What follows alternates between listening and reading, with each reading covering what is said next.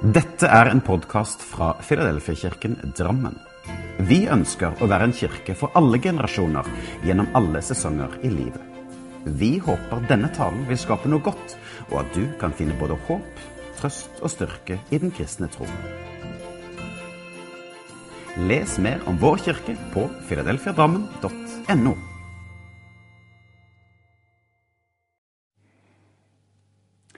Våren er her, og varmen kommer, og sola skinner. Du har sikkert lagt merke til det. Det er behagelig og deilig, helt til vi legger merke til de utrolig skitne vinduene. Og solstrålene som treffer gulv og kjøkkenskap, som er dekket av støv, og flekker du plutselig ser. For å komme godt til så åpner du kanskje litt på skuffer og skap. Og ser uendelig masse rot og ting du ikke har brukt på aldri så lenge. Ødelagte ting. Og du oppdager at 'Å, vi har syv ostehøvler'. Hva med gamle mobiler? Eller briller som hadde riktig styrke og var moderne for sånn ca. ti år siden? Ladeledninger til apparater som har slutta å virke for lenge siden? Noe av dette kan jeg også finne hjemme hos meg selv hvis jeg går litt i dybden på skuffer og skap. Altså, det trengs en skikkelig vårrengjøring eller en våropprydning. I andre Korinterbrev 4,6 så står det For Gud som sa lys skal stråle fram fra mørket, han har også latt lyset skinne i våre hjerter, for at kunnskapen om Guds herlighet i Jesu Kristi ansikt skal lyse frem. Altså, Gud snakker her om en vårrengjøring. Ikke bare i våre hus og leiligheter, men også i våre liv. Guds vårsolstråler er fulle av herlighet, varme og kjærlighet. Men de er like fullt avslørende. I møte med dette hellige lyset og skinnet så får vi et valg. Vi kan velge å bare stenge igjen den skuffen, eller lukke igjen det skapet. Låse og lukke igjen døra til akkurat det rommet. Og trekke for gardinene til de skitne vinduene. Det kan være fristende. Dette tar jeg i morgen, eller dette tar jeg neste år. Men det løser ikke akkurat problemet. Gjør det vel? Eller vi kan åpne opp og slippe ham til. Tillate hans, Guds lys, inn i våre liv.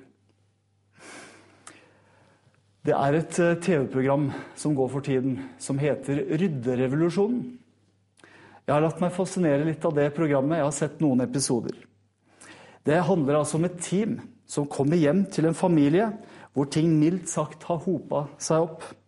Tingene har tatt overhånd. Det er ikke lenger mulig å vaske, rydde eller ha noe som helst orden. Det har gått så langt at det er vanskelig å leve og bo i huset, og enda vanskeligere å trives og ha det fint. Teamet kommer inn, og de fjerner absolutt alt ut av huset, legger tingene utover i en stor idrettshall og fyller opp gulvet i denne idrettshallen og sorterer alle tingene til familien. Og så er opplegget at familien skal komme inn, og de blir jo sjokkert over å se hvor mye de faktisk eier. Og så er opplegget at de skal gi slipp på halvparten av alt de har. Og når de da etter mye om og men har gjort denne prosessen, så skal halvparten av tingene de skal ta vare på, inn i huset igjen. Dette sørger teamet for. Og finner en plass til alt, og de ordner nye praktiske løsninger. Og så vet dere, så er det jo sånn som det er i mange sånne program, at familien kommer tilbake, og så er det Å, så fantastisk det har blitt. Det er konseptet i programmet. Men tilbake til den delen når de skal velge ut, og de skal gi slipp på halvparten av alt de eier. Hvorfor skal de det? Og det, er jo noen som, det, det stiller de seg nesten spørsmål om i programmet. Hvorfor? Jo, det er fordi at de tingene som er verdt å ha, bruke, vise frem og verdsette, de synes ikke lenger. Det er ikke plass, og ingenting syns, og ingenting fungerer når alt skal være inne i huset. De fine tingene synes ikke. Den arvede gjenstanden eller tingene som det er knyttet varme minner til, overskygges og nærmest kveles av alt som ikke bør være der. Så er det tankevekkende da, å se i programmet hvor enormt vanskelig det er for enkelte av deltakerne i programmet å kvitte seg med ting og gi slipp. Og det kan det være mange, mange ulike årsaker til.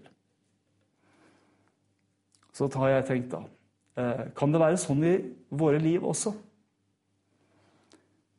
Har vi ting i våre liv, dyrebare drømmer, verdier vi ønsker at skal synes i livene våre, en lengsel om hva og hvem vi skal være? Det kan være for andre mennesker, men det kan også være for Gud. Og så syns ikke disse tingene lenger, fordi det har kommet andre ting i veien.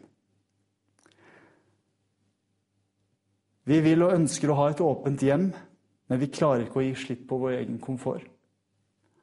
Vi ønsker å være sjenerøse, men må gi slipp på gjerrigheten.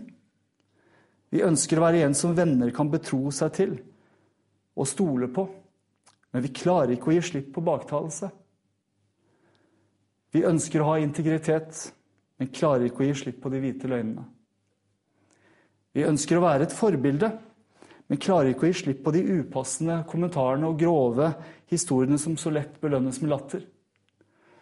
Vi ønsker å være gjestfrie, men må gi slipp på egoismen. Vi har et kall til tjeneste, men klarer ikke å gi slipp på den nødvendige delen av fritiden som da må forsakes. Vi lengter etter å være fullt til stede i vårt eget liv og med de nærmeste, men klarer ikke å gi slipp på de sosiale mediene. Vi kjenner på et kall til å be, men klarer ikke å gi slipp på alle distraksjonene rundt oss. Du ønsker å bryte med handlinger og ting som fører deg bort fra Gud, men klarer ikke å gi slipp på de dårlige vennene. Jeg har egentlig ikke lyst til å stå her og snakke med deg om alt mulig som, som man skulle slutte med og ikke burde, og alt mulig. Du kan tenke deg Jeg har litt bakgrunn fra skole. Og hvis du er lærer, så skjønner du hva jeg snakker om. Men i skole så fins det ordensreglement. Og før i tida så var det litt sånn at det er ikke lov å banne. Det er ikke lov å gå ut av klasserommet. Det er ikke lov å bråke i timen, osv., osv. Men så vet man at man har snudd på dette her i den moderne skole. Og nå er typisk ordensreglement mer sånn type Vi sier hyggelige ting til hverandre. Vi spør læreren om vi trenger å gå på toalettet. Vi sitter i ro i timene. Og det er en helt annet utgangspunkt for å jobbe med orden og, og jobbe med å oppføre seg på en skole. Og så har jeg lyst til å spørre deg Sett nå at hele livet ditt, alle tingene i livet ditt, legges ut på gulvet i en stor idrettshall. Absolutt alt er der. For det første hadde jo det vært ganske sjokkerende, antageligvis. Men spørsmålet er hva vil du ta vare på? Hva er dyrebart for deg? Hva vil du? Da vet du kanskje samtidig akkurat hva du må gi slipp på. Og så vet vi alle at dette her, det er slettes ikke lett. I Hebrebrevet 12, vers 1 og 2, der står det Derfor, når vi har en så stor sky av vitner omkring oss, så la oss legge av oss alt som tynger, og synden som så lett fanger oss. I en annen oversettelse står det om synden som så lett henger seg fast. Vi vet at disse tingene er ikke lett. Men så snakker Bibelen videre. Og med utholdenhet fullføre det løpet som ligger foran oss. Med blikket festet på ham som er troens opphavsmann og fullender. Jesus. Oppmerksomheten vår skal ikke, som det fort blir, da, være på alt dette ikke, ikke og burde og ikke skal osv. oppmerksomheten vår, sier Guds ord, skal være på Jesus, han som troen kommer fra, og han som vil være med deg og hjelpe deg og bære deg i din vandring med ham.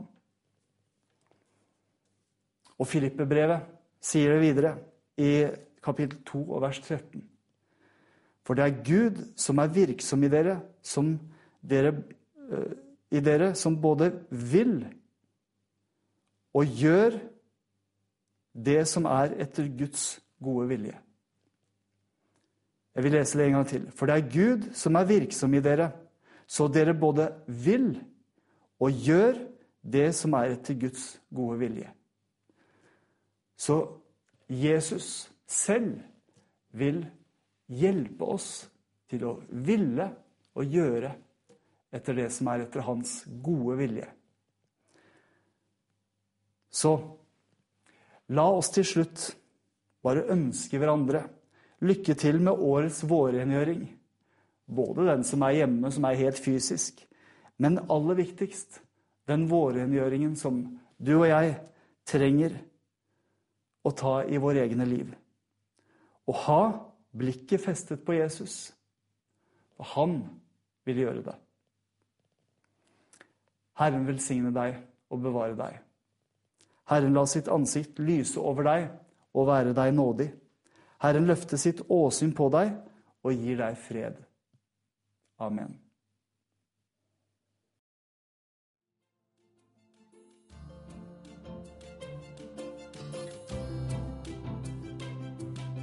Som en avslutning på denne podkasten ønsker vi å lyse Herrens velsignelse over deg.